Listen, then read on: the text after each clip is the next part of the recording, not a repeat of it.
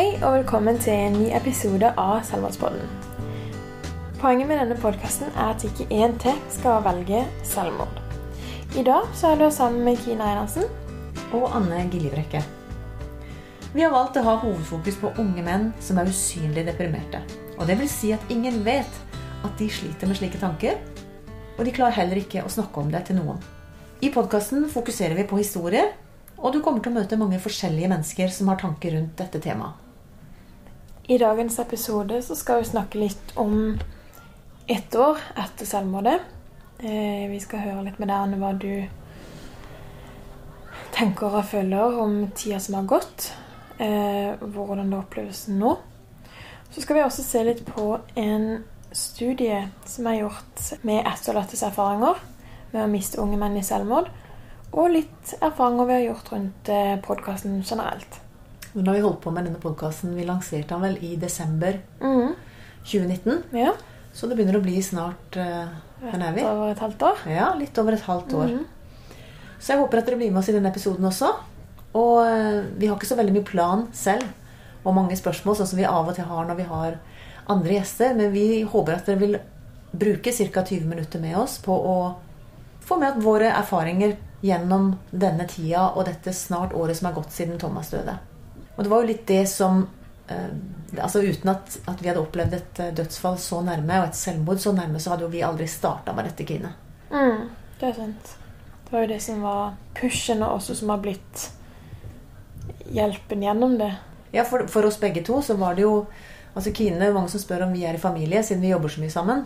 Men jeg har jo tre døtre, og Kine er jo litt sånn bonusdatter, da, samtidig som du er den voksne blant oss. Siden vi jobber sammen og litt sånn, så, jo, så har vi det veldig gøy sammen. Og vi har opplevd veldig mye sammen, og vi er også sammen den 9. august klokka 10.28 når dette, denne beskjeden kom. Mm. Og har egentlig vært ganske mye sammen. I tynt og tynt Hva heter det for noe? Tynt og tynt. I den perioden etterpå òg. Mm. Sant. Hvis vi går litt inn på det med Det er veldig mange som spør meg nå Anne, nå etter liksom så lang tid, har dere funnet ut noe mer? Hva det var som gjorde at Thomas ikke makta å leve lenger, og heller ikke klarte å snakke om det? liksom? Det er jo klart at Hvis du graver lenge nok, så finner du et eller annet, tenker du. Jeg finner jo litt svar hver eneste uke. Fordi at vi bruker jo Selvmordspodden til å stille spørsmål.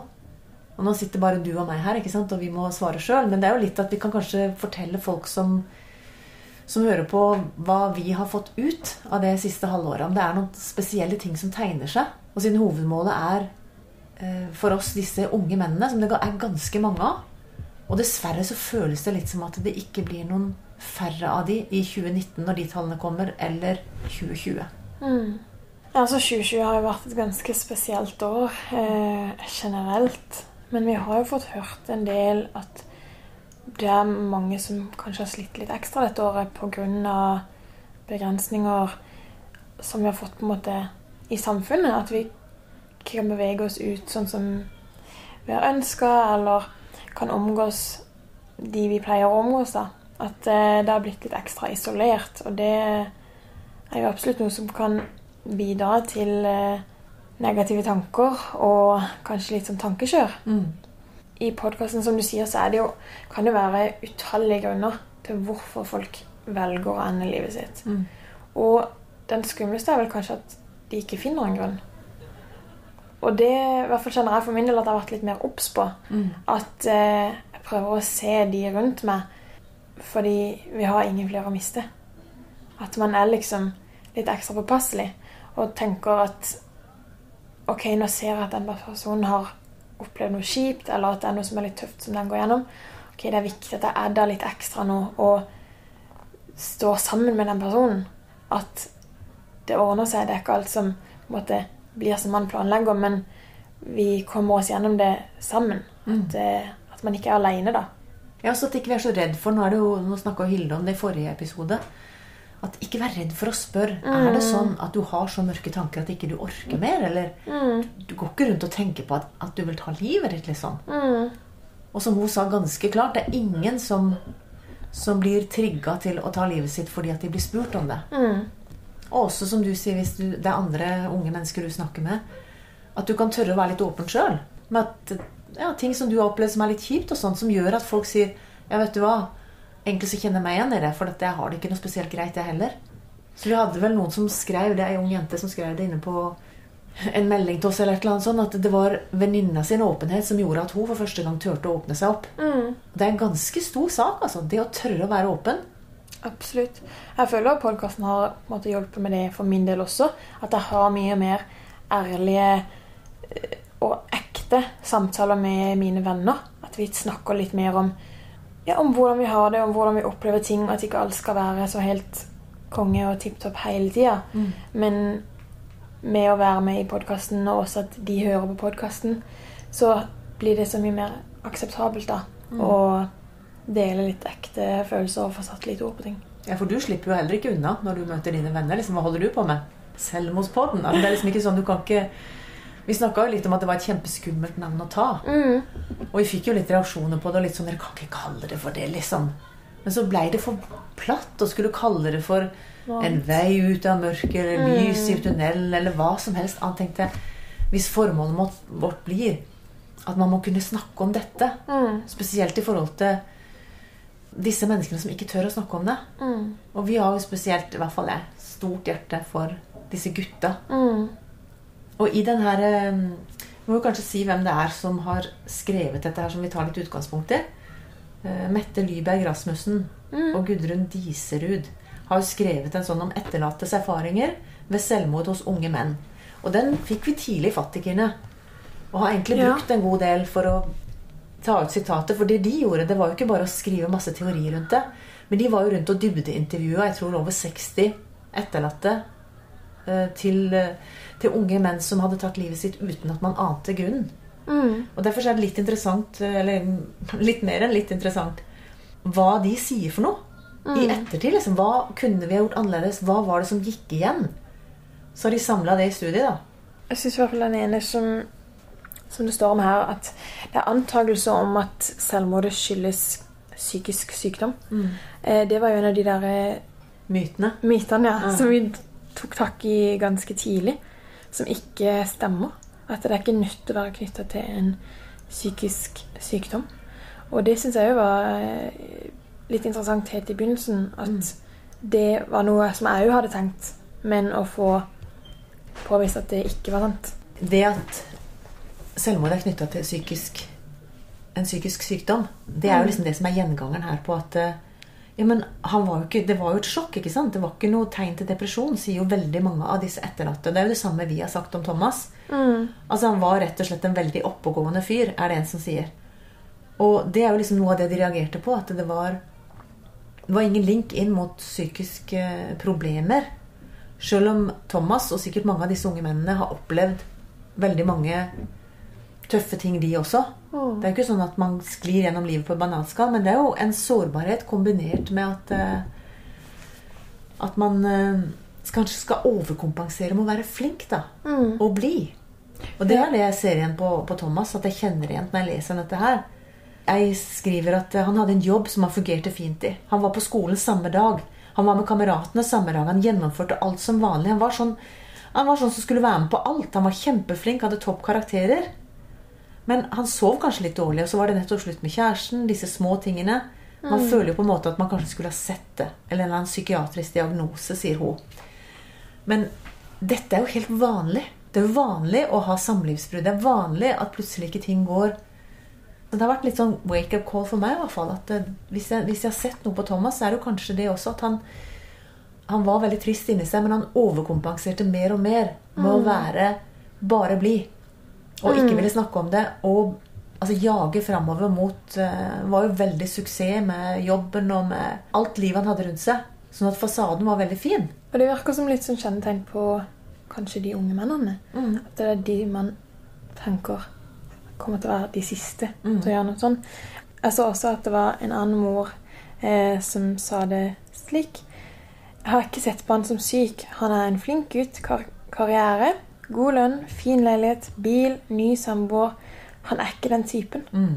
Altså, I etterkant så kan du jo se, sånn som eh, noen av de pårørende har beskrevet, at, eh, at han sa det. Eller som vi har opplevd, liksom at, eh, som jeg skrev litt om på min Facebook-side, at nå, dette var siste besøket til Thomas. Og det var litt annerledes enn før. Men du tenker jo ikke på noe annet enn at guri og koselig at han vil overnatte. Og så godt at vi fikk en sånn skikkelig dyp samtale om hva jeg trodde på, han trodde på, hva som var etter døden og alt mulig sånn. Men det var ikke noe, var ikke noe mer enn at eh, åh, så godt å ha litt tid til å kunne prate om litt viktige ting. liksom. Vi sitter der og nesten satt i armkroken på meg. liksom. Og så hadde jeg ant at det var den aller, aller, aller siste gangen. Ah, Ja. nå må du ta over litt. Det er jo aldri noe man forbereder seg på, Nei. for å si det sånn. Åssen skulle vi levd da hvis vi skulle gå rundt hele tida og tenkt at, Tenk eh, at det var den siste. Er du lei deg? Har du tenkt å dø? liksom? Det er jo ikke der vi går. Mm. Det er jo det det virker som en helt vanlig dag. Mm. Eller som du sier, så gøy at vi kunne endelig snakke om noe litt sånn. Så man har heller den innfallsvinkelen. Men vi har aldri snakka noe spesielt. altså Selv om det er folk i eh, omgangskretsen til mine unger som har, som har dødd av selvmord, så har vi aldri gått veldig dypt inn i det, vi, som familie. liksom. At eh, Er dette noe du tenker på? Det har vært så absurd og så langt unna. fordi at det, ja, En del av de tilfellene så visste man jo at det var folk som hadde slitt lenge. Og så tenker du at du er fri. Altså Det er ikke noe å snakke om engang. Hvis ikke du har hatt gjentatte depresjoner eller hatt det der. Men, men det viser seg jo at spesielt for disse gutta så er det ikke noen sånne symptomer før. Det blir bare mer og mer og mer å skulle, skulle passe på at ingen vet det. Jeg leser også her at det er en far som eh, skrev at han var bekymra for sønnen ukene før selvmordet. Og at mannen hadde blitt stoppa fra et eh, forsøk.